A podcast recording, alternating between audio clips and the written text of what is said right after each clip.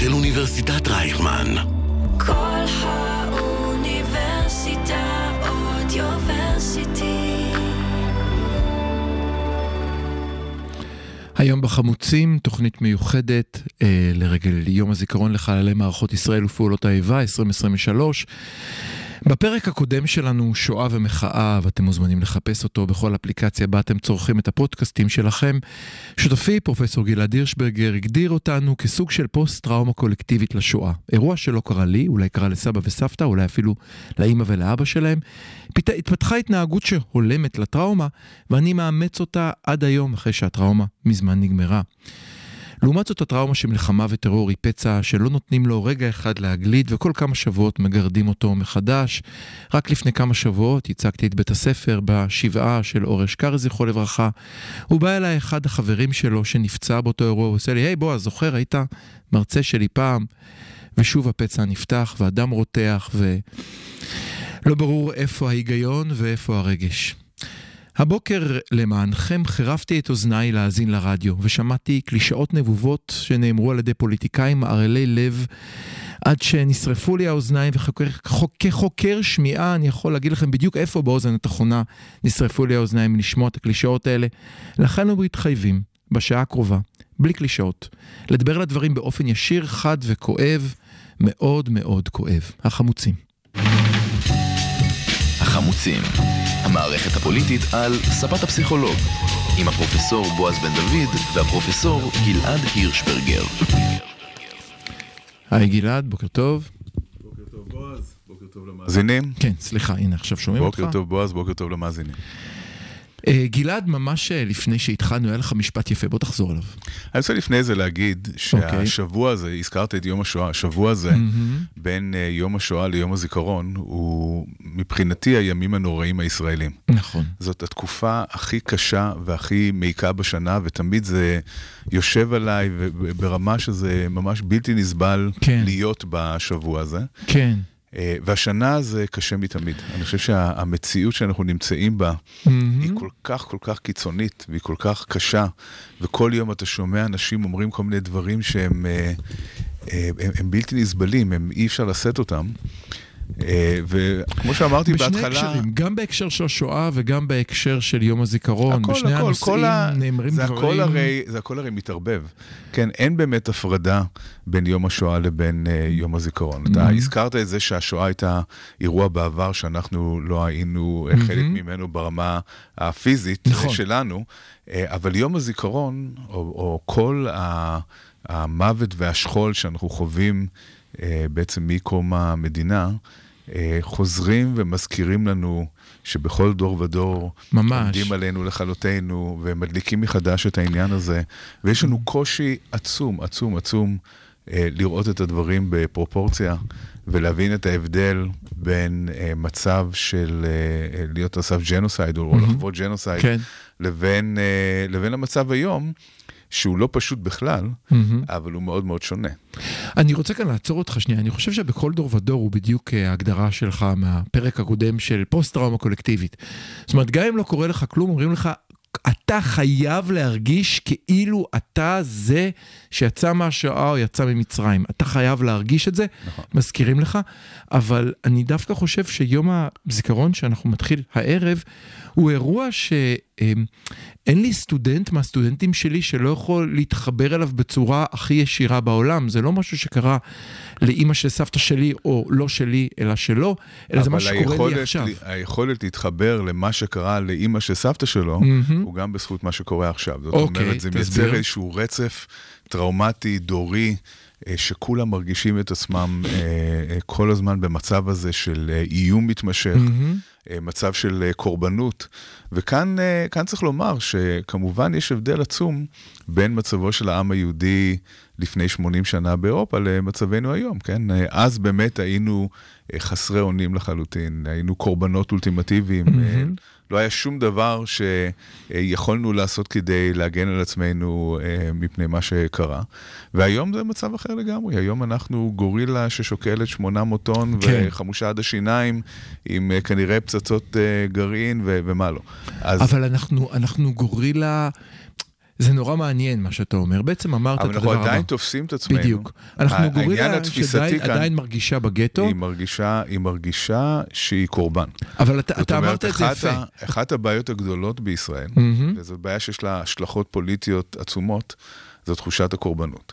זאת אומרת, למרות שמבחינה אובייקטיבית, אהוד ברק פעם אמר שישראל היא המדינה החזקה ביותר ברדיוס של 1,500 קילומטר מכאן. Mm-hmm.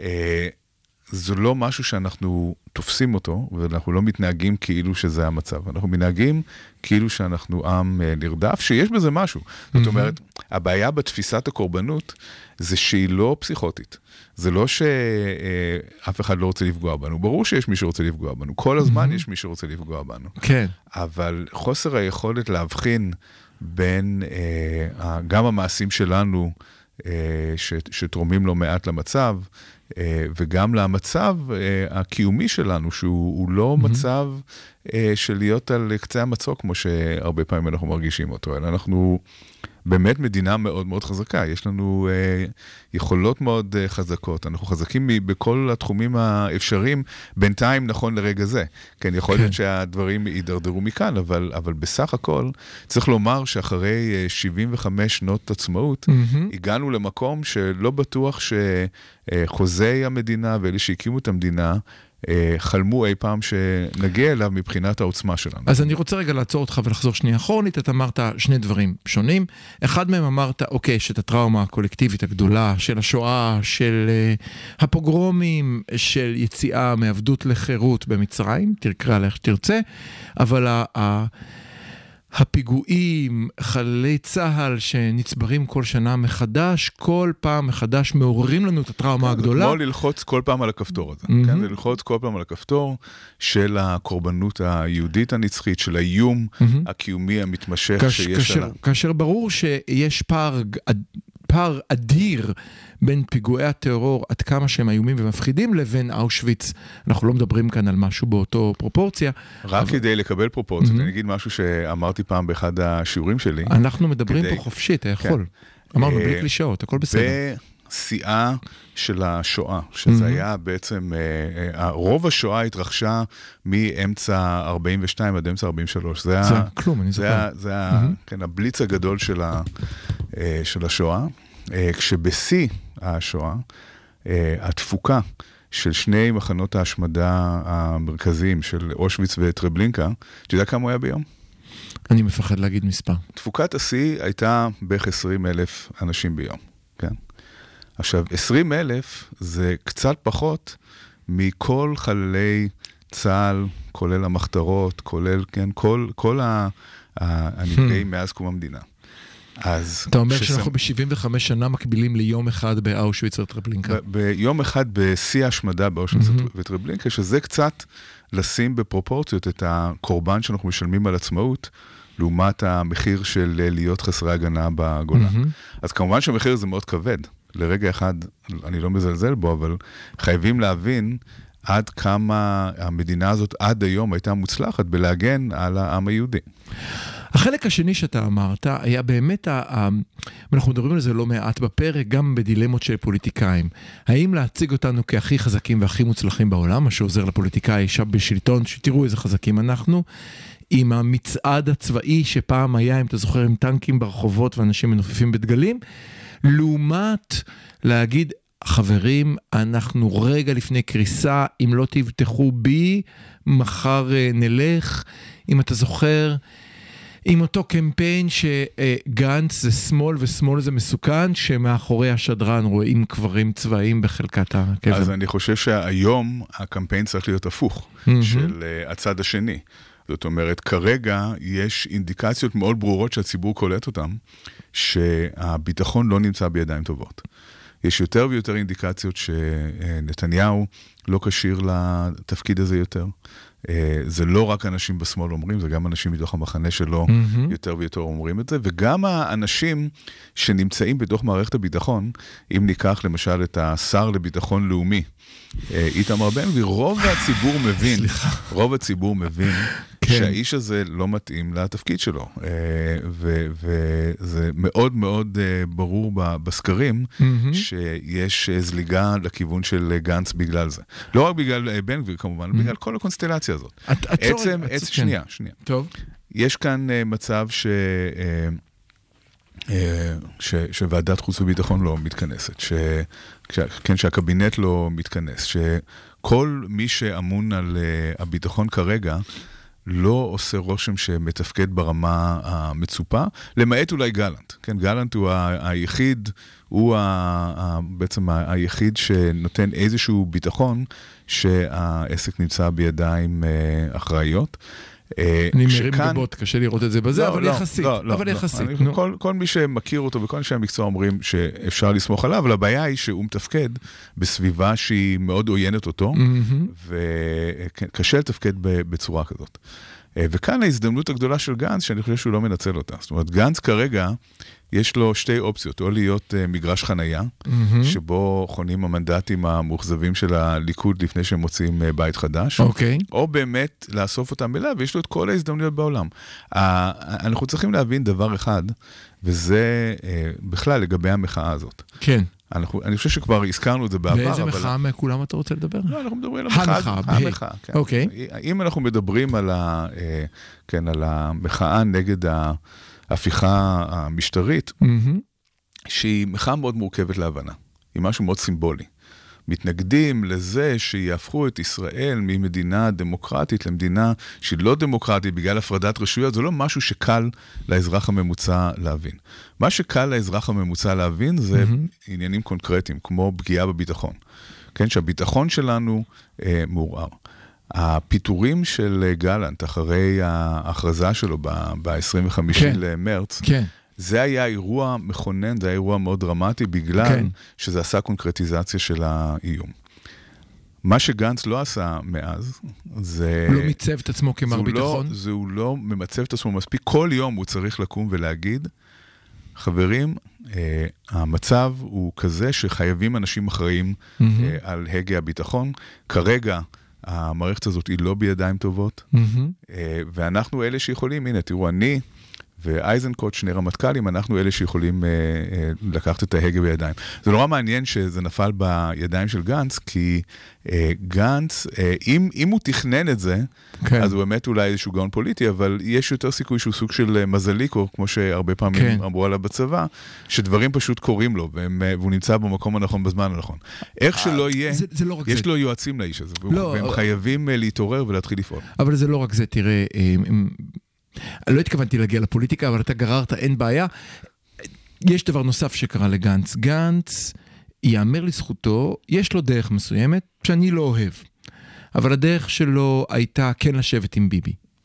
ולא לבגוד בביבי גם אחרי שביבי בגד אותו. אני מזכיר לך, הממשלה נפלה נגד גנץ שניסה לשמור אותה, אף על פי שביבי בגד בה בכל צורה אפשרית. זה קרה בגלל ליל החניה הגדול, אם אתה זוכר, ליל החניונים. כמובן. אה, אבל כאן... תן לי רגע לסיים, תן לי כן. רגע לסיים. גנץ הלך לדבר עם החרדים. הלך לדבר עם החרדים לא בגלל שזה יהיה לו פוליטית, אלא זה באמת חלק ממנו, כמו שזה חלק ממנו להאמין לביבי ולהישאר איתו גם אחרי שהוא בגד בו. אלה דברים שהם חלק ממנו. אה, היום נדמה שאלה דברים שקורצים להרבה מאוד אנשים. נכון. לא אני ולא אתה אולי, אבל יש הרבה מאוד אנשים שזה קורץ להם כאופציה, אומרים, הנה מישהו שהוא לא נגדי, אני הצבעתי ביבי, כל חיי ביבי, והנה מישהו שלא הולך כמו בועז ואומר ביבי הביתה, אלא אומר ביבי אני אוהב אותך, אבל אי אפשר ככה. הנה מישהו שלא אומר לחרדים פויה, אלא מוכן להיות עם החרדים. זאת אומרת, יש כאן משהו מעניין שהוא בדיוק הוא.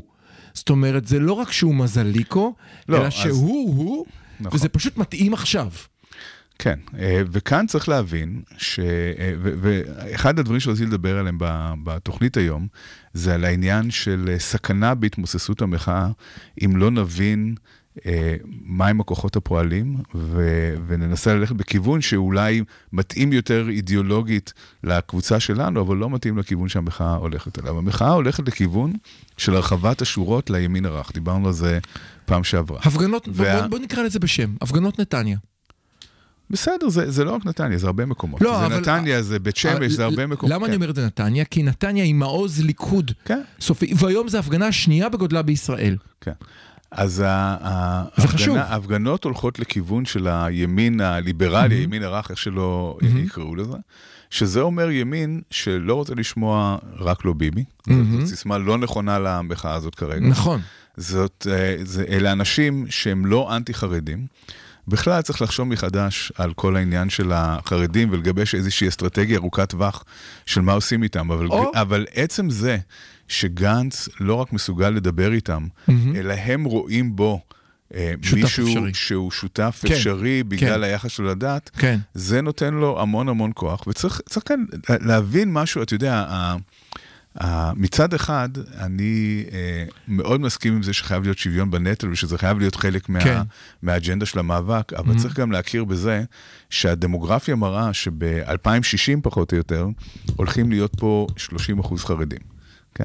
עכשיו, כרגע, אגב, יש, כן, כן, כן. לא, לא, זה לא מה שהפתיע אותי. מה שהפתיע אותי שהמסקנה שלך משם היא הפוכה מהמסקנה שלי, אבל אוקיי. זה בסדר. לא, אם אתה מצפה ש-50% לא יתגייסו, אז אנחנו צריכים להבין לא. לגמרי אחרת איך צבא צריך לראות. לא אמרתי דבר כזה, אל תכניס לי מילים לפה. אוקיי. מה שאמרתי זה שכרגע יש פחות מ-10% חרדים. הבנתי אותך. וכבר המצב כן. הוא מאוד uh, נפיץ איתם. נכון. כשיהיו פה 30% חרדים, אנחנו לא נוכל אה, להמשיך להתנהל בצורה הזאת. מסכים. אנחנו חייבים כבר עכשיו לחשוב איך לפעול איתם אחרת, לעבוד איתם אחרת, וזה לא מסכים. לא יכול להיות רק בכפייה ובהתנגדות איתם. מסכים. צריך, צריך להגיע איתם, וגנץ אולי יכול לעשות את זה. Mm-hmm. זאת אומרת, צריך להגיע איתם לאיזשהו חוזה חדש, כי גם, גם אם נורא נרצה כן. להחזיק 30 אחוז אה, חרדים על mm-hmm. קצבאות, לא נוכל לעשות את זה. אז עצור שנייה אחת. בוא, אני רגע עוצר את המונולוג שלך. שנייה.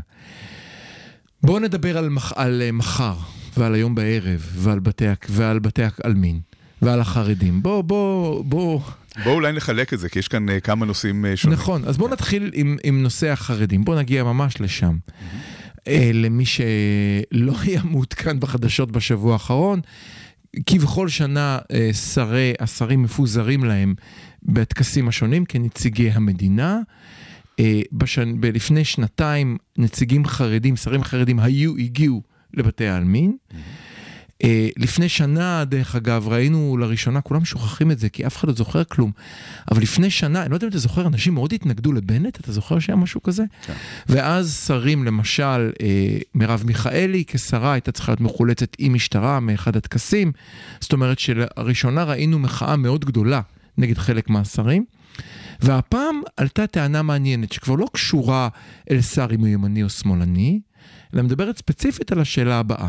האם שר חרדי, וזו שאלה שאין לי תשובה אליה, אני רוצה להעלות אותה רגע לשולחן, שר חרדי שפועל לכך שהוא ובניו ושכניו לא יתגייסו, שילדיו לא מתגייסים, יכול לייצג את הממלכה בטקס שבו יושבים אנשים שילדיהם קבורים מתחת לאדמה וילדיהם האחרים הולכים להתגייס או נכדיהם הולכים להתגייס מחר.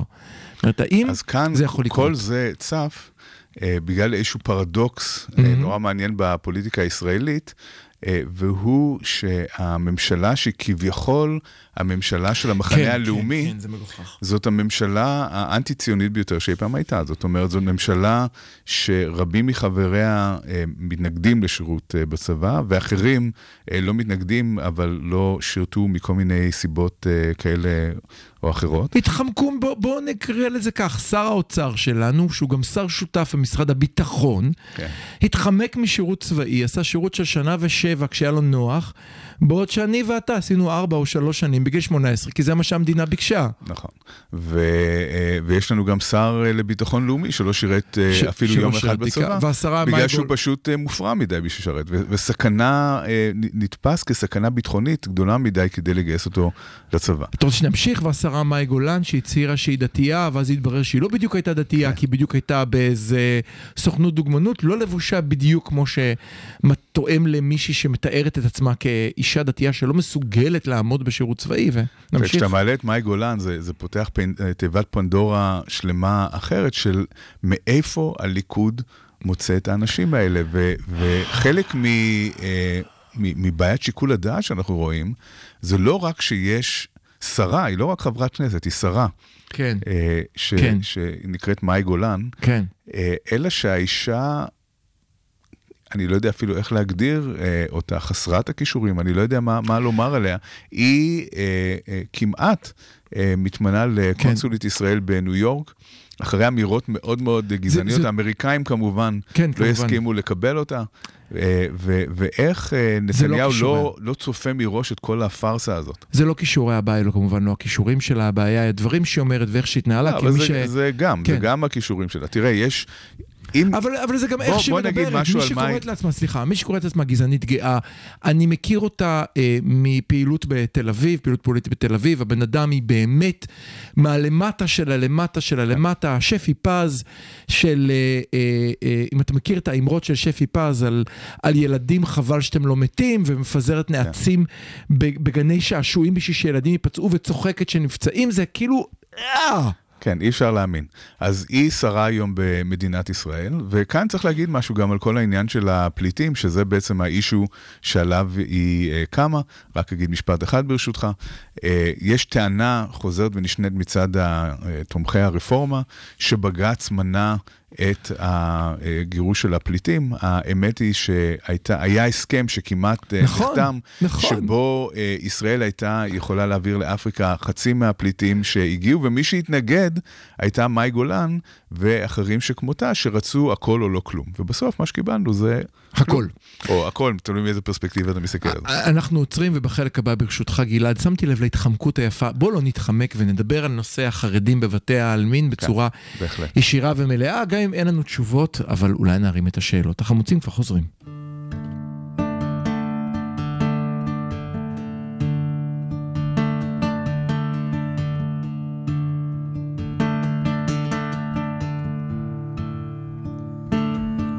אני מביט מהחלום, וזה עושה לי די עצוב.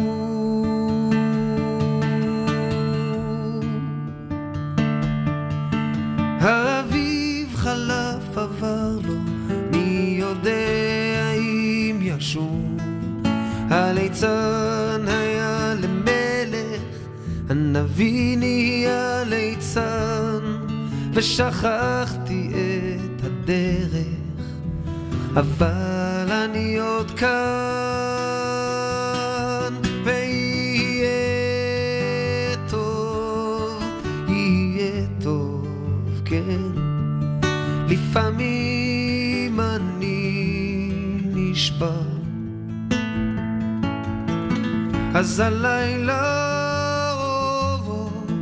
הלילה,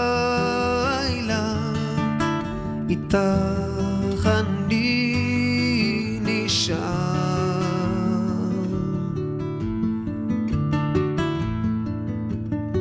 ילדים לובשים כנפיים ועפים אל הצבא, ואחרי שנתיים הם חוזרים ללא תשובה. אנשים חיים במתח, מחפשים סיבה לנשום, ובין שנאה לרצח מדברים על השלום. ויהיה טוב, יהיה טוב, כן, לפעמים אני נשבע. אז הלילה,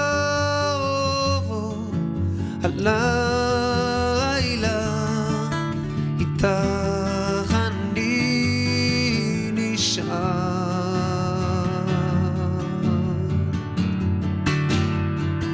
כן, שם למעלה, והשמיים עננים לומדים לעוף, ואני מביט למעלה ורואה ממשלה של גנרלים מחלקת את הנוף לשלהם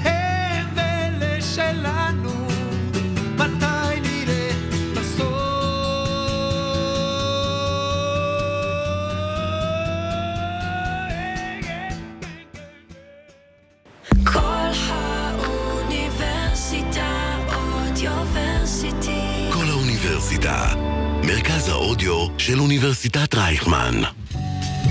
החמוצים, המערכת הפוליטית על ספת הפסיכולוג, עם הפרופסור בועז בן דוד והפרופסור גלעד הירשברגר. אז למי שלא יודע, אנחנו בלייב 106.2 FM בכל יום שני בשעה 10, וההפסקות שאתם שומעים בפודקאסט הם שירים שאנחנו נכנסים לרדיו. היום אנחנו כמובן בספיישל יונתן גפן, ולקחנו את יהיה טוב. זה היה אה, כאשר, סיפור אישי, כאשר אה, הייתי בקנדה בפוסט-דוק, כשבחוץ הטמפרטורה נושקת למינוס 30 מלמטה, זה היה אחד משירי הערש שלי לילדה שלי. אה, ויש שם את השורה הנפלאה, הליצן נהיה למלך, הנביא נהיה ליצן. בדיוק דיברנו על זה בהפסקה, אני וגלעד, זה קצת בן גביר הליצן שנהיה פתאום למלך המלכים. אתה פחות רואה את זה ככה, אני יודע. לא, בסדר, איך שאתה רוצה. ובשבילי זה סוג איך של... שלא יהיה, לפעמים אני נשבר. זה כן. זה המשפט המסכם. והנביא שנהיה ליצן זה באמת כל מיני נביאים שהיו לנו שדיברו על תהליכים ודיברו על מה יקרה ודיברו על איזה איום ונורא יהיה אם... והם כולם צדקו אבל הם קצת נהיו סוג של... אה, מגחיכים אותם ומליצנים אותם. אני לא במיוחד חושב כשהם שהם את צדקו. השורה האחרונה, אבל אה, אנחנו עוד אה, נחיה ונראה. יהיה טוב, בוא, מה אכפת לך? מקרה, יהיה בכל טוב, זו מקרה, סיסמה אם, טובה. אם הזכרת את אה, יונתן גפן, אז כן. אה, אפשר אה, לומר מילה על התופעה הזאת של אה, אה, אומנים אה, שמאלנים שעושים צ'קאוט מוקדם בתקופה האחרונה. כן, ואפשר גם לשאול את השאלה, איפה, אה, מה, אין עוד יונתן גפן בישראל? איפה כל המעולים והמוכשרים האלה? למה אנחנו לא... זה מין אה, דור כזה. שהוציא, שהוציא המון המון אנשים מוכשרים, ואתה יודע, חלק מהבעיה, אנחנו יודעים אבל למה זה. כן, חלק מהבעיה זה בגלל שאנחנו זקנים, ואנחנו לא מסוגלים להעריך את לא. האומנים הצעירים לא שקיימים לא היום. רק, אני חושב שהיונתן גפן הנוכחי נמצא היום באחד הסטארט-אפים, עושה להם, מעצב להם דברים מבריקים וגאוניים, ובערב אולי. עושה דחקות ומרוויח הרבה כסף בשביל לשלם משכנתה. אולי. אה, איך שלא יהיה, אה, אני חושב שכן, יש כאן איזושהי תופעה של צ'קאוט מוקדם של אנשים ש, שפשוט אומרים, אנחנו רואים לאן המדינה הזאת הולכת, לא תודה, אנחנו, אה, כן. היה נחמד עד עכשיו, אה, אנחנו משאירים את זה לכם. תראו את הקונספירציה של גלעד, גלעד, לא נחמוק מזה. כן, אה, חרדים, רציתי לדבר על חרדים. אני רוצה לדבר על חרדים בבתי הקברות, אני רוצה לדבר על חרדים בקבינט המדיני-ביטחוני, ואני רוצה לדבר על השתי שתי מגמות שאני רואה היום במחאה. מגמה מצד, מגמה מצד אחד היא חייבים לעשות חוזה חדש עם החרדים, ככה זה לא יכול להימשך. הדברים צפו כמו הצעדה בבני ברק. מגמה שנייה היא מגמת הגנצייה. חברים, אם אתם רוצים לנצח, אם אתם רוצים לעשות שינוי, אתם חייבים לוותר לחרדים, אל תקבלו את כל מה שאתם רוצים, תישארו עם חצי תאוותכם בידכם. בלי החרדים לא תהיה לכם בחיים קואליציה יציבה שתוכל לשמור על ישראל מבחינה ביטחונית. אה, תפסיקו להיות כאלה הארדקור, ושני הקולות האלה נשמעים היום במחאה משני צדדים. נכון. יש כאן אה, מתח בין אה, להיות צודק ללהיות חכם. וזה נוגע אני לא רק... אפילו לא בטוח שצד אחד הוא וזה- לגמרי צודק וצד שני הוא לגמרי חכם, לא, אפילו בזה אני לא נגיד, בטוח. אה, אוקיי, אז אני- בוא אני נגיד זה שזה, אף שזה בין, להיות. בין להיות מאוד צודק לבין להיות פרגמטי, שזה אומר לוותר קצת על, ה, על הצדק האבסולוטי. לא, אני מתעקש, אני מתעקש. אני לא בטוח אה, שזה פרגמטי בהכרח עכשיו לוותר לחרדים. אולי כן, אולי לא, אני לא בטוח. תראה, בוא, אני לא בוא בטוח. נתחיל מהצודק, הצודק יותר קל. לא, גם אני אוקיי? לא בטוח לא, לא, שהצודק הוא אני- לגמרי צודק. גם זה אני לא בטוח. הצודק יותר קל. טוב, הצודק הוא שצריך להיות שוויון בנטל, וכולם, כל אזרחי ישראל, כולם, חרדים, ערבים, אה, ישיבות הסדר, כן, לא צריכים להיות דברים כאלה בכלל. נשים כולם צריכים... מאי גולניות שמצהירות שהן דתיות. צריכים, כולם צריכים לתת את אותו הזמן, בשירות מהמם. צבאי, לאומי, לא יודע מה. זה הצודק. מהמם. הצודק הוא גם שאין דמוקרטיה עם כיבוש, זה צודק. מה ששירה גפן לבשה ב, אה, בלוויה הוא הכי איזה צודק בעולם. חוצפה בהלוויה של אבא של שלה, אבא שלה. איזה חולצה שהיא רוצה, שהיא מה רוצה, קרה לה, נכון. מה עובר עליה? נכון. אבל איך זה לא חתכו באמת, את השידור? זה באמת צודק. הבעיה היא שאם נלך על הצודק הזה, מהמם. אם, אם ההפגנה תלבש אה, אה, כיוון, תיקח כיוון של אה, שוויון בנטל ובלי, עם כיבוש אין דמוקרטיה, אה, אז אנחנו נהיה שוב אה, צודקים וקטנים. אם אנחנו רוצים להרכיב את השורות, למרבה הצער, ואמרנו את זה גם פעם שעברה, את העניין של הכיבוש צריך לשים קצת בצד, בגלל שיש אוכלוסיות שמצטרפות למחאה שהן לא בעניין הזה בכלל, שהן אוכלוסיות ימין. בזה דרך אגב, גלעד, בזה אין בעיה, כמי שפוקד את המחאות בצורה קצת אה, אובססיבית, אני חושב שהנושא של הכיבוש לא, בצד הוא, זה משהו הוא, ש... הוא בצד, נכון, זה משהו בסדר. שהמחאה קיבלה לגמרי... הפרופורציה שלו כרגע היא בסדר. הנושא של, ה, של השילוב של חרדים, של השוויון זה בנטל, צף. נכון, זה צף וזה חשוב, וכאן, תראה, אין, אין ספק שאי אפשר להמשיך בלי אה, שינוי החוזים החרדים. אי אפשר, זה לא, גם, גם אם נורא נרצה להמשיך איתם כרגע מהמם. בעד, אי אפשר, זה לא מחזיק, זה לא משהו כן. שיכול להיות. אז צריך לפתוח את החוזה הזה, ואני חושב שגם הם מבינים ברמה מסוימת שלאורך זמן זה לא יכול להמשיך. אתה חושב, אתה חושב. שיש שם הבנה כזאת? תשמע, אני שואל באמת, אתה, זאת- אתה עורך את הסקרים.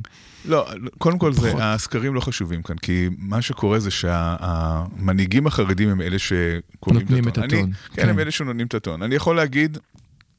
משיחות עם אנשים שמכירים את הציבור החרדי, אוקיי.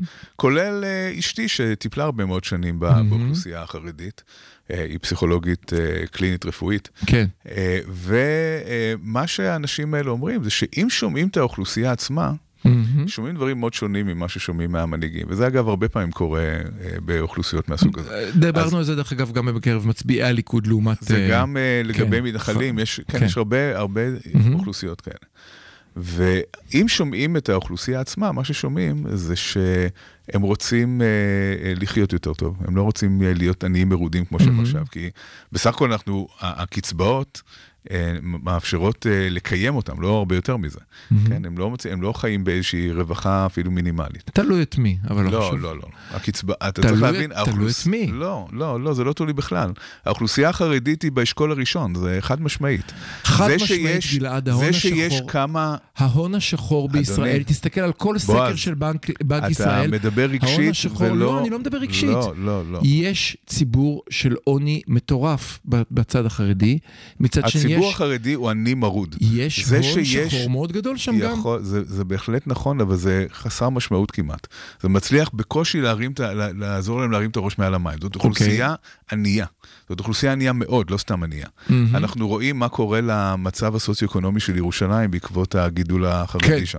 כן. ירושלים מידרדרת באשכולות הסוציו-אקונומיים, כן? מהמם. היא היום שתיים נדמה לי, או משהו כזה. כן, אה, אז, אז האוכלוסייה החרדית היא ענייה, והאנשים האלה לא רוצים לחיות בצורה כזאת. הם כן רוצים אה, יותר, הם רוצים אה, להיות מסוגלים לפרנס את עצמם. מהמם, אז, אז כן יש הרבה קולות בתוך הציבור החרדי שרוצים משהו אחר. מהמם. אנחנו גם יכולים, אה, אתה יודע, אולי אה, אה, קצת אה, אה, לקבל תקווה מהעובדה שככל שקבוצה גדלה, ככה היא יציבה פחות. זאת אומרת, הסיכוי שיצליחו להחזיק את כל הדבר הזה שנקרא הציבור החרדי כמשהו מונוליטי, שכולם אה, לא עובדים וכולם לא לומדים וכולם לא לומדים לימודי... לי- כן, יכול להיות שהסדקים יתחילו להיווצר מבפנים עוד לפני שאנחנו אבל, ניכנס. אבל אנחנו רגע, אנחנו שוב מתחמקים מהשאלה. אתה מדבר על לעשות חוזה השאלה חדש. השאלה היא, האם, האם, החוזה האם חדש הזה כרגע... אפשרי בכלל? אוקיי, אז צריך לנסות. קודם כל, ברור שזה קשה. תראה, אנחנו הולכים כאן על אה, מאבק שהוא קשה מהרבה, מהרבה בחינות. האם אפשרי לעצור ממשלה עם 64 מנדטים שרוצה אה, להכיל אה, חוקי אה, דיקטטורה? יכול להיות שלא, כן, אבל זה, כן. זה, זה, זה המאבק. המאבק הוא ללכת על אה, משהו לא, שהוא מאוד קשה. אתה הלכת עכשיו על משהו נוסף למאבק. המאבק בהתחלה היה ספציפי לגבי ההפיכה השלטונית. אתה עכשיו הולך, אתה עכשיו הולך שמאלה ממני, אני אוהב את זה. אתה הולך עם, עם אנשי קפלן שאומרים, אוקיי, אנחנו פה, אם כבר, אז בואו נדבר גם על חוזה חדש עם החרדים ובואו נדבר על חוקה. אני חושב, קראת במקרה את המאמר המאוד מאוד חשוב במוסף הארץ ביום שישי. של דן בן דוד. של דן בן דוד, שנושא כן. אפילו את שם אה, משפחתך לשווא. כן. אה, והוא איש הנתונים. אין, חשוב לומר, אין קשר משפחתי כן, בינינו. לא, זה ברור לגמרי. כן. אה, ברור לגמרי. והוא אמר כמה דברים שהם אה, מאוד מאוד חשובים. קודם כל, אם, מסתכלים על המגמות ארוכות הטווח, כן, כן. ברור שאי אפשר להמשיך ככה. אי אפשר, אי אפשר, זה פשוט לא, לא אפשרי. כן. אה, דבר שני, גם אם מסתכלים על הסטטיסטיקה הזאת, Mhm. כן, אם מסתכלים על מה הולך להיות פה ב-2065 Mhm. עם אה, שליש חרדים, הוא, הוא אומר, זה לא בהכרח יהיה ככה, בגלל שהציבור החילוני הצעיר לא יחכה שיהיו פה שליש חרדים לפני שהוא יברח. בדיוק. זאת, ו, וכאן הוא אומר עוד דבר מאוד חשוב. הוא אומר, במקרה הכי הכי אופטימי, נהיה לארג'ים לגמרי, יש כאן בערך 400 אלף אנשים שמחזיקים כן, את כל כן, המדינה. כן. זה בעצם אולי יותר קרוב ל-280 אלף, אבל נניח שזה בוא- בוא, 400 בוא אלף. נקרא לזה בשם, בוא נקרא לזה בשם הכי הכי בוטה. הוא אומר, יש אליטה מסוימת במדינת ישראל, שמחזיקה את מדינת ישראל, אם זה מהבחינת החוד החנית הצבאי, אם. מבחינת החוד החנית האקדמי, ואם מבחינת החוד החנית התעשייתי ההייטקיסטי. יש לנו והכלכלית. והכלכלית. הכל, הכל, הכל זה הולך לכלכלה מתחת. 400 כלכלה זה אלף, הכל מתחת. 400 אלף האנשים האלה 280. משלמים, לא משנה, כן, משלמים, משלמים 92 אחוז כן, מהמיסים כן. במדינת ישראל. זאת השורה כן, התחתונה. נכון. הוא אומר, אפילו אם אחוז קטן מתוכם יחליטו, די, אנחנו לא יכולים יותר, אנחנו Mhm. הולכים מפה, זאת תהיה קטסטרופה, המדינה הזאת הופכת למדינת עולם שלישי. זאת אומרת שיש בקרב החרדים, גם בקרב ההנהגה החרדית, מהמם. אנשים שיהיו מוכרחים להסתכל על המספרים האלה ולהגיד, אוקיי, מה אנחנו עושים כדי, כי, כי כאן ה- לחרדים יש פרדוקס, צריך להבין את הפרדוקס החרדי. בסדר, אתה נורא אופטימי. החרדים מצד אחד, נשמע- נחמד תראה, לשמוע אותך ככה. אם, אם כולם לא נורמלים, לא, אז לא נורמלי. אם כולם לא נורמלים, אין לנו מה לעשות. סליחה, אבל... אבל... גלעד, אתה זוכר בפרק הקודם, שאלת אותי איך התמודדו עם הפוגרומיסטים? איך התמודדו עם הפוגרומיסטים? זה לא רלוונטי מה שאתה אומר עכשיו, אבל אם מתפללים החרדים... ויהיה טוב. מה אמר החרדים- שר האוצר שלך אמר שיהיה טוב נכון, בעזרת נכון. השם. הוא, יש ביניהם אנשים לא נורמליים, זה נכון. אבל אם בתוך ציבור גדול, שהולך אוקיי. לגדול לממדים של מיליוני בני אדם, אוקיי. כולם לא נורמליים, באמת הלך עלינו. אבל אם יש בתוכם אנשים שאומרים, יש אנחנו... בטח אנשים, לא הנהגה, לא, חלילה. רגע, רגע, בקרב רגע, האנשים גם יש לך, גם שאלה מי נמצא בהנהגה. גם בהנהגה יש אנשים שמבינים את הפרדוקס שהחרדים מהמם. חיים בו. הפרדוקס החרדי הוא שמצד אחד הם מתנגדים לאורח החיים החילוני. כן. הם רואים את אורח החיים החילוני ואומרים, את זה צריך לשנות. כן, צריך כן. כן. להתערב בזה, ו- כן. וצריך לשלוט בזה ב- מהמם. בכל מיני אופנים. מהמם. מצד שני, הם מבינים שמי שתומך בהם כלכלית, זה הקבוצה הזאת שהם לא כך אוהבים ושהם, לא, אה, ושהם רוצים אה, לשנות אותה. אז הם לא יכולים, אתה יודע, זה לנסר את הענף שהם יושבים עליו, אה, ללכת בהתנגדות מוחלטת ולא להיות מוכנים לדבר.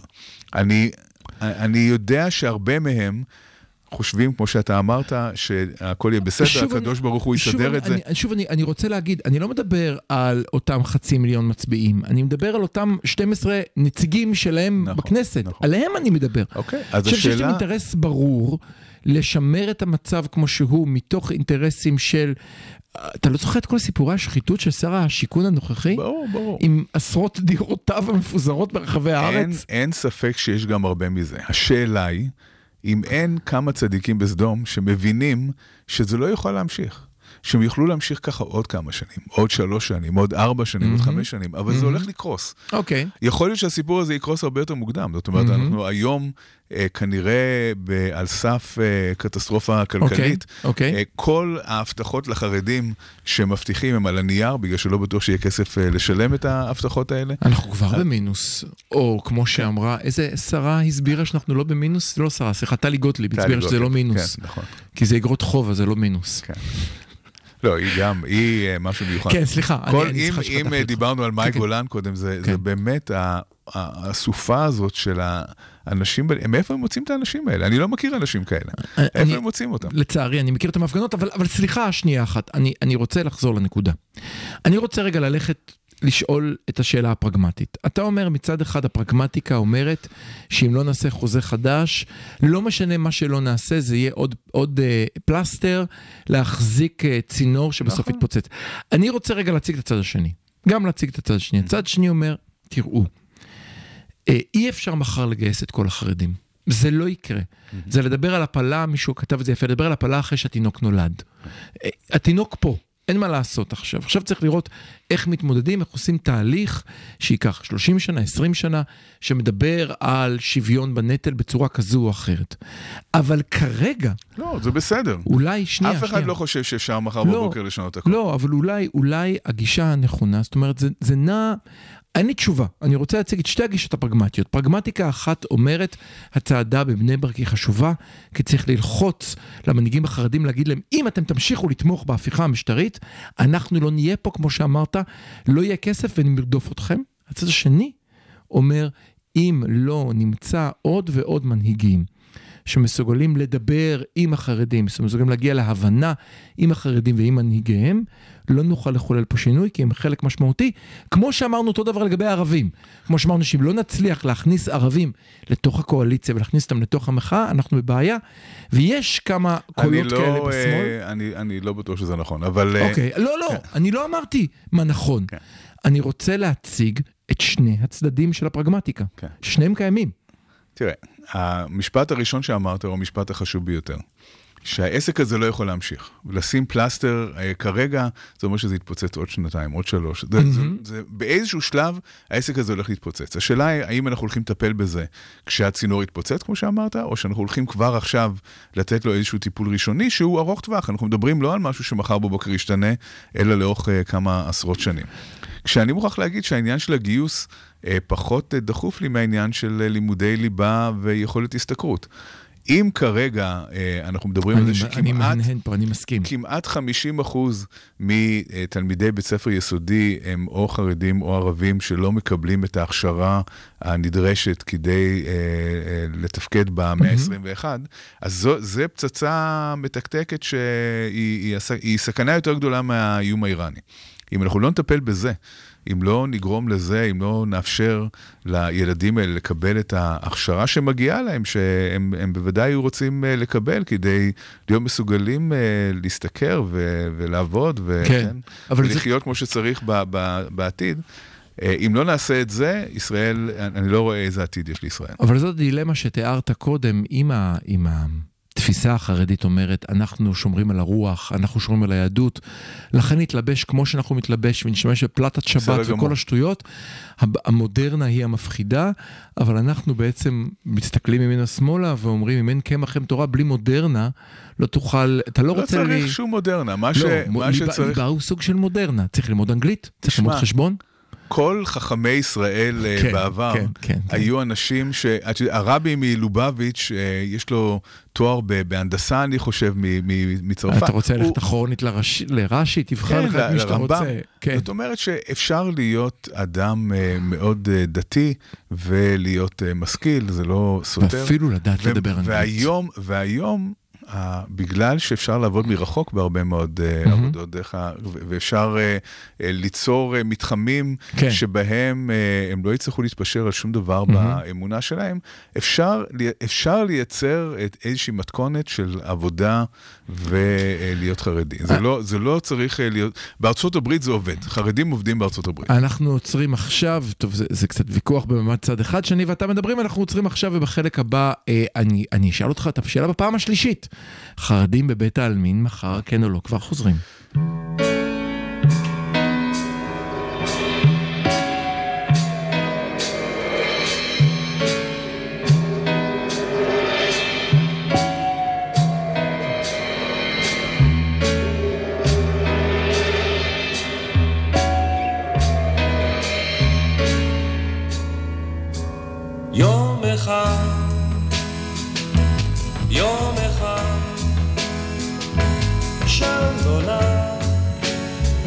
לטייל ביער, ורק מחוטים של זהב במלך קטן, אם חורגת וסוס לבן. יום אחד יום אחד בית קר ונפתח השער נסיכה עייפה נרדמה על קרן של אור. באורח על סוס שחור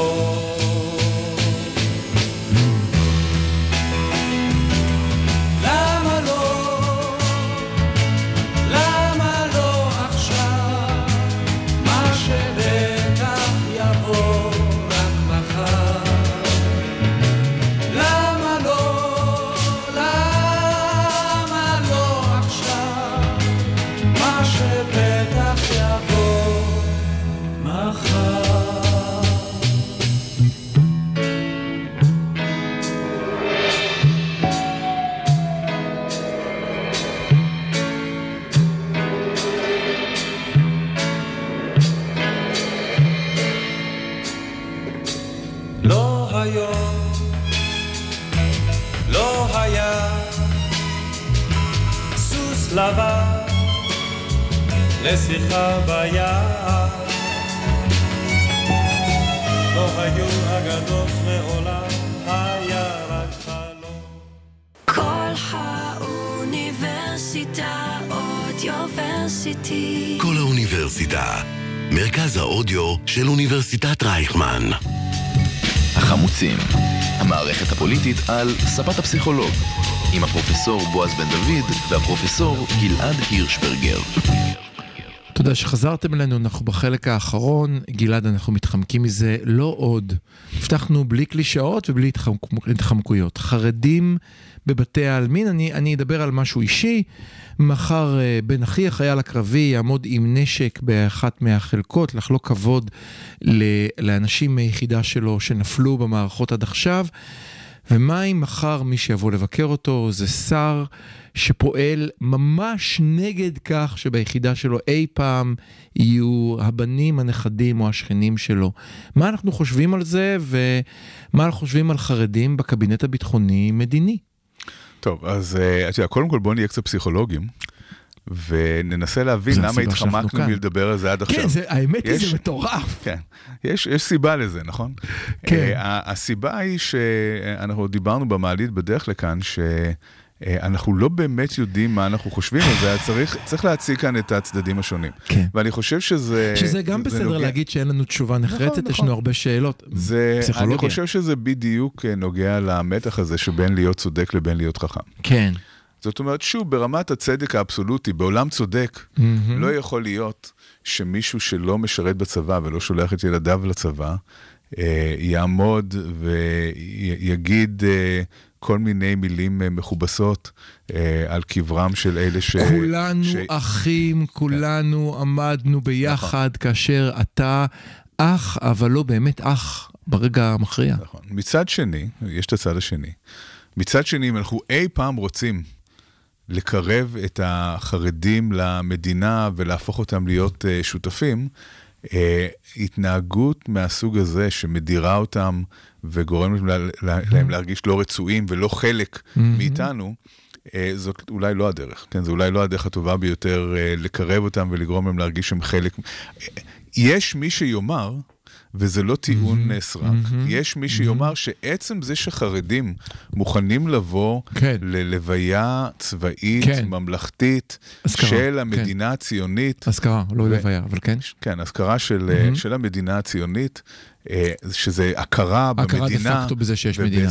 זה הכרה במדינה, בסמל, לא יודע אפילו אם דה פקטו, זה, זה הכרה במדינה, בסמליה, בטקסים שלה, במנהגים שלה, כן, יש הרבה חרדים שלא אוהבים את העניין הזה של אה, צפירה ושל המנון וכל הדברים האלה. אנחנו ראינו בבית שמש השבוע איך מורידים את דגלי ישראל, אז, אז עצם זה שיש חרדים שמוכנים להיות שותפים, זה, אפשר לראות את זה כניצחון של הציונות. כן, אפשר לראות את זה כאיזשהו ניצחון דווקא של הציונות ושל המדינה על אותם פלגים שלא רצו להיות אה, חלק ממנה. אז להדיר אותם ביום הזה זה אולי לא הדבר הנכון. אני- יש, כאן, אני- יש כאן עוד דברים, יש כאן עוד דברים. אני- רק- יש כאן רק- גם עניין, יש כאן גם עניין... אני אה, אעצור אותך שנייה אחת, אני אמשיך את הקו שאמרת, אם אנחנו... וכו- ואני אני, אני, אני מתהפך בבטן ואני קורא על זה הרבה בימים האחרונים בשביל לגבש דעה, ואני שמח שאין לי דעה. אפשר גם להגיד שאם אנחנו רוצים, אה, אה, אם אתה רוצה לקרב מישהו אליך, כדאי שיראה מה זה.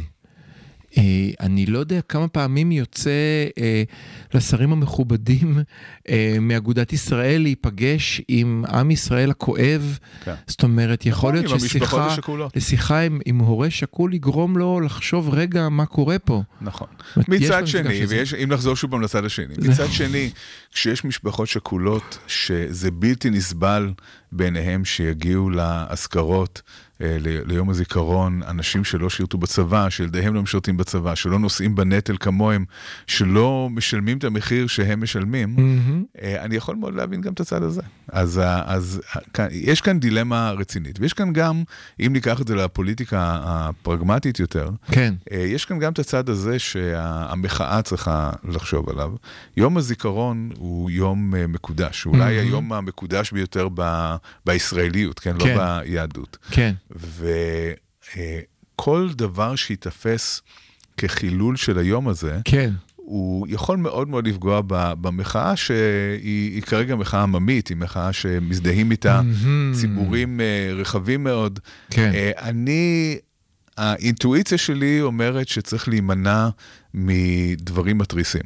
זאת אומרת, יש, יש כל מיני פעולות שאפשר לעשות שמביעות איזושהי מחאה כן. שהיא היא עדינה יחסית, שזה המקסימום שהייתי הולך אליו, ואחד הרעיונות למשל, כן, זה להם. שפוליטיקאים אה, מדברים אה, להפנות אליהם את הגב. זה את הגב. המקסימום, מקסימום שהייתי הציעו, עושה. הציעו גם, דרך אגב, המחאה עשתה הקלטות מאוד מעניינות, ואמרו, אם אתה מעוניין, שים את האוזניות, תשמע את זה במקום, ועשו איזושהי קונטרה.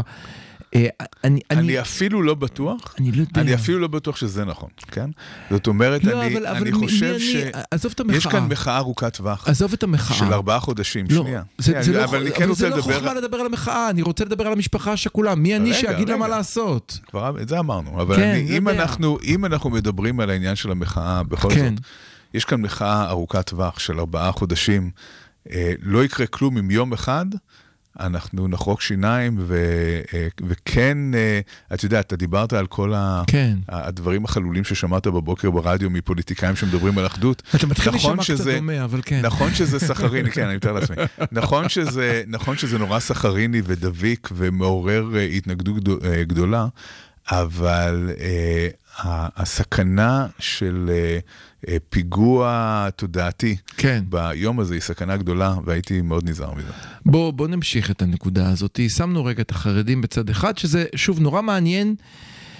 אם לרגע אנחנו מתכסים בכסות אקדמית, זה מעניין כי אפשר- לפני אפשר שנתיים הם בקלות- הגיעו לבתי העלמין ולא הייתה מחאה. נכון. זאת אומרת, צריך להגיד שהעובדה שיש מחאה נגדם היא לא רק נובעת מהיותם מנהיגים חרדים, אלא מהעובדה שהפעם הקדישו את הסאה, כי הם פועלים לחוקק עכשיו חוק שמגדיר את הפטור מגיוס זה כמשהו יותר, פנימי. זה יותר מזה, זה יותר מזה. יש כל מיני דברים שקרו בעבר, שהציבור אה, נשאר מנומנם ולא הגיב להם, בגלל שבעצם ההתעוררות הגדולה של המחנה הליברלי עכשיו, מהמם. היא, היא משהו שגורם לזה שהמון נושאים שבעבר היינו רוטנים עליהם בסלון ולא היינו עושים שום דבר, פתאום מקבלים אה, נופח אחר ופתאום מגיבים אליהם בצורה אחרת. מהמם. קח למשל את חוק הלאום מ-2018. כן. כן? חוק הלאום, אם היום מישהו היה מציע חוק כמו חוק הלאום, מאות אלפים היו יוצאים לרחובות. הוא לא היה עובר בקלות כמו שהוא עבר ב-2018. מעניין. ב-2018 עבר אה, חוק מאוד מאוד בעייתי. חוק שבאופן אה, ברור מפלה בין אזרחים שונים ב- בישראל, לפחות ברמה ההצהרתית. מהמם. ואתה יודע, שוב, רתנו בסלון, אני כתבתי מאמר בארץ נגד החוק.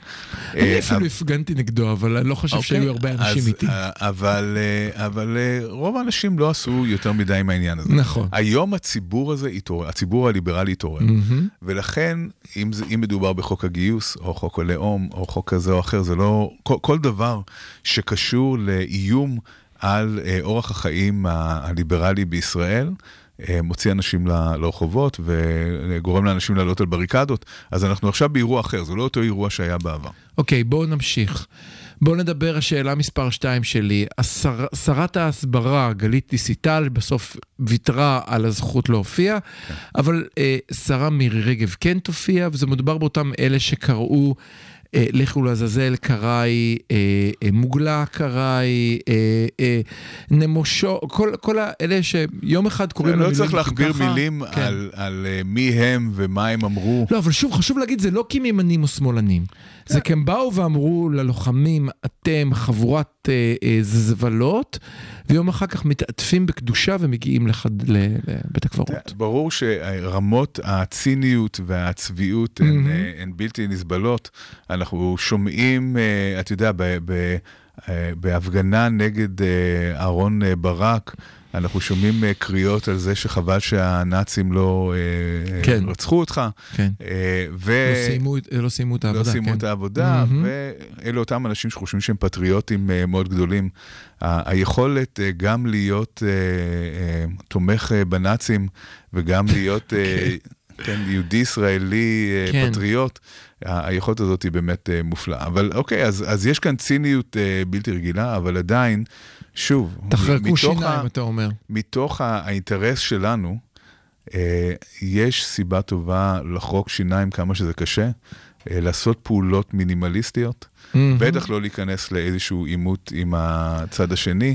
אני לא בטוח שזה משחק לטובתנו שכל השרים האלה החליטו לא להגיע לבתי העלמין. זה, זה יכול אה, לעשות, אה, זה, זה יכול אה, אה, לחזור אלינו כבומרנג.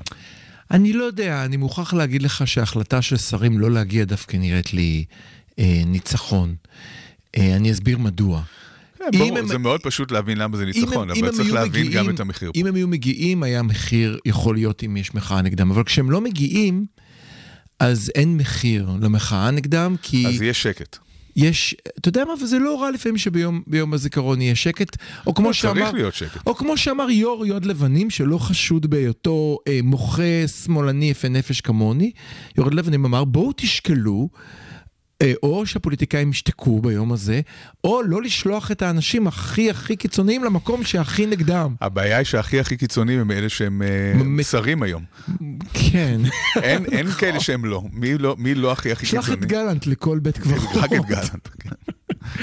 אוי, איזה עצוב זה מה שאתה אומר עכשיו, כן. אבל uh, אנחנו יודעים שבן גביר יגיע לבאר שבע, מחפש נכון. את הפרובוקציה, מתחנן לפרובוקציה. לגמרי, לגמרי. זה... ואני לא יודע, אני לא יודע מה להגיד לך, אתה יודע, פרובוקציות מול כהנא לא היו פרובוקציות, היו, הכהניזם לא יעבור. למשל... מה אתה אמור לעשות שכהניסט נכנס לבית הקברות? אתה אמור... למחוא כפיים? אני לא יודע. לא, פשוט לא להיות שם, צריך לא להיות שם. צריך לא להיות שם. כן. אני ממש מרגיש... שוב, אני לא רוצה חלילה לדבר בשם המשפחות השכולות, כי לא הייתי רוצה להיות במקומם בשום פנים ואופן, טפו טפו טפו ועץ והכל, אבל לא יודע. הבטן מתהפכת מהמצב הזה. ו... אתה יודע, כמות הנביבות שאני שומע היום, לגמרי, לגמרי, אבל העיקרון הזה איך של... איך אתה יכול להגיד עם אחד אם אתמול קראת לי אה, נאצי אס-אה, פלוגות אס-אה, והיום אתה זה... אומר כולנו ביחד? נכון. די. בסדר, אז אנחנו... אז תגיד שאתה לא נכון. סובל אותי, fair enough, בוא נדבר יש, כמו בני אז אדם. אז יש צביעות שזועקת לשמיים ויש ציניות בלתי רגילה, אבל uh, זוכר את uh, קראטה קיד. נו. היה את אה, מיסטר מיאגי, את ה... אוקיי. בסדר, כן, הסנסה היה. wax on wax off, נו. אז הוא, בדיוק, אז היה לו עוד משפט, שהוא אמר, העיקרון הכי חשוב בקראטה זה no be there. זאת אומרת שאם יש הזדמנות לעימות, אל תהיה שם. כן. אז אני חושב ש-no be there זה בדיוק אה, מה שצריך לעשות כרגע. אנחנו נסיים בשאלה אחת קשה ויש לך דקה לענות עליה. לכן שמרתי אותה לסוף. בוא נדבר כן. על הקבינט המדיני-ביטחוני. כן. האם להתכנס או לא להתכנס? לא, ברור שעדיף שהוא לא יתכנס כן. למען כולנו, אבל היה היום ויכוח מעניין ברדיו, אה, אם אנחנו שואלים מה מקומם של אה, מי שלא עשה צבא, עזוב חרדים, מי שלא עשה צבא, לא כי הוא לא עשה צבא כי הוא היה חולה, כי הוא לא עשה צבא כי הוא התחמק או כי הוא, אה, או כי הוא סידר לא לעצמו משנה, משחקים. אתה יודע מה, זה לא משנה אם הוא היה חולה או התחמק. אוקיי. צריך להבין שענייני ביטחון הם לא איזשהו תחביב. Okay. זה אוקיי. לא אם uh, מישהו, uh, אתה יודע, חושב הרבה על ביטחון, או חושב שהוא מבין בביטחון, mm-hmm. הוא יכול להיות מישהו סליחה, שמנהל מערכות, אנש... מערכות ביטחוניות. סליחה, אדם נבחר, אני נבחרתי, הציבור בחר בי, זה שאתה חושב שאני לא מבין בעיות ביטחוניות זה בעיה שלך, גלעד. זה נכון, זה נכון שמבחינה טכנית, מבחינה טכנית זה נכון, אבל אם מדברים מהותית, על מי האנשים שצריכים לנהל את uh, מערכת הביטחון, הם צריכים להיות אנשים שיש להם ניסיון ביטחוני, הם לא חייבים להיות גנרלים, כן? גם uh, אנשים כמו שמעון פרס uh, היו יכולים uh, להיות שם בגלל הידע והניסיון הביטחוני. אני אקשה עליך, בן אדם עשה שלוש שנים... מישה ארנס. הבן אדם עשה שלוש שנים שירות צבאי, יכול להיות... זה לא מספיק בשביל לנהל מערכת ביטחון.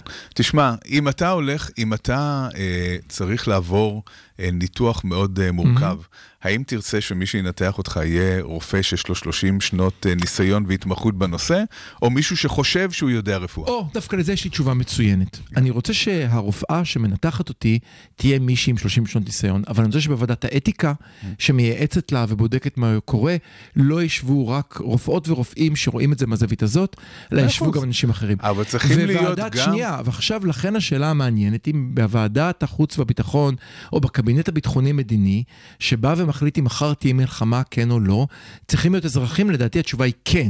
לא. השאלה אם צריכים להיות שם אנשים שהילדים שלהם לא ישלמו את המחיר אם אורית סטרוק תנצח ומחר הולכים לעזה. כובשים את עזה, נכון. זה נכון, וגם אה, כמו כל דבר בחיים, הכל שאלה של מינון. Okay. אוקיי. אם uh, uh, בוועדה הרפואית הזאת, או בוועדת חוץ וביטחון, mm-hmm. ישבו רק אזרחים שאין להם מושג בביטחון, אנחנו נהיה בבעיה. אבל אם ישבו גם נציגים שמביאים איזושהי זווית אחרת, ולא רק את הזווית הביטחונית, אנחנו כמובן נרוויח מזה. אז העניין הוא פרופורציה, והעניין הוא שכן חייבים להיות, חייב, חייב להיות איזשהו קור של אנשים שמבינים בביטחון. העובדה שהשר במשרד הביטחון סמוטריץ' לא מבין בביטחון, העובדה שהשר לביטחון לאומי, אנחנו רואים יום-יום mm-hmm. עד כמה שהוא לא מבין בביטחון, אה, אלה, והם, וגולדקנופ וכל החברים האחרים בוועדת חוץ וביטחון, זה uh, מראה שאנחנו בבעיה, ולכן גם, כמו שאמרת, עדיף שהוועדה הזאת אפילו לא תתכנס. טוב, מה שעשה כאן גלעד זה תרגיל מלוכלך, הוא רואה את השניות עוברות, ואז אין אפשרות להגיב. אז תודה רבה לכם, אנחנו היינו חמוצים, אתם מוזמנים לשמוע אותנו כל יום שני בשעה 10 בבוקר 106.2 FM, או לחפש אותנו בפודקאסט.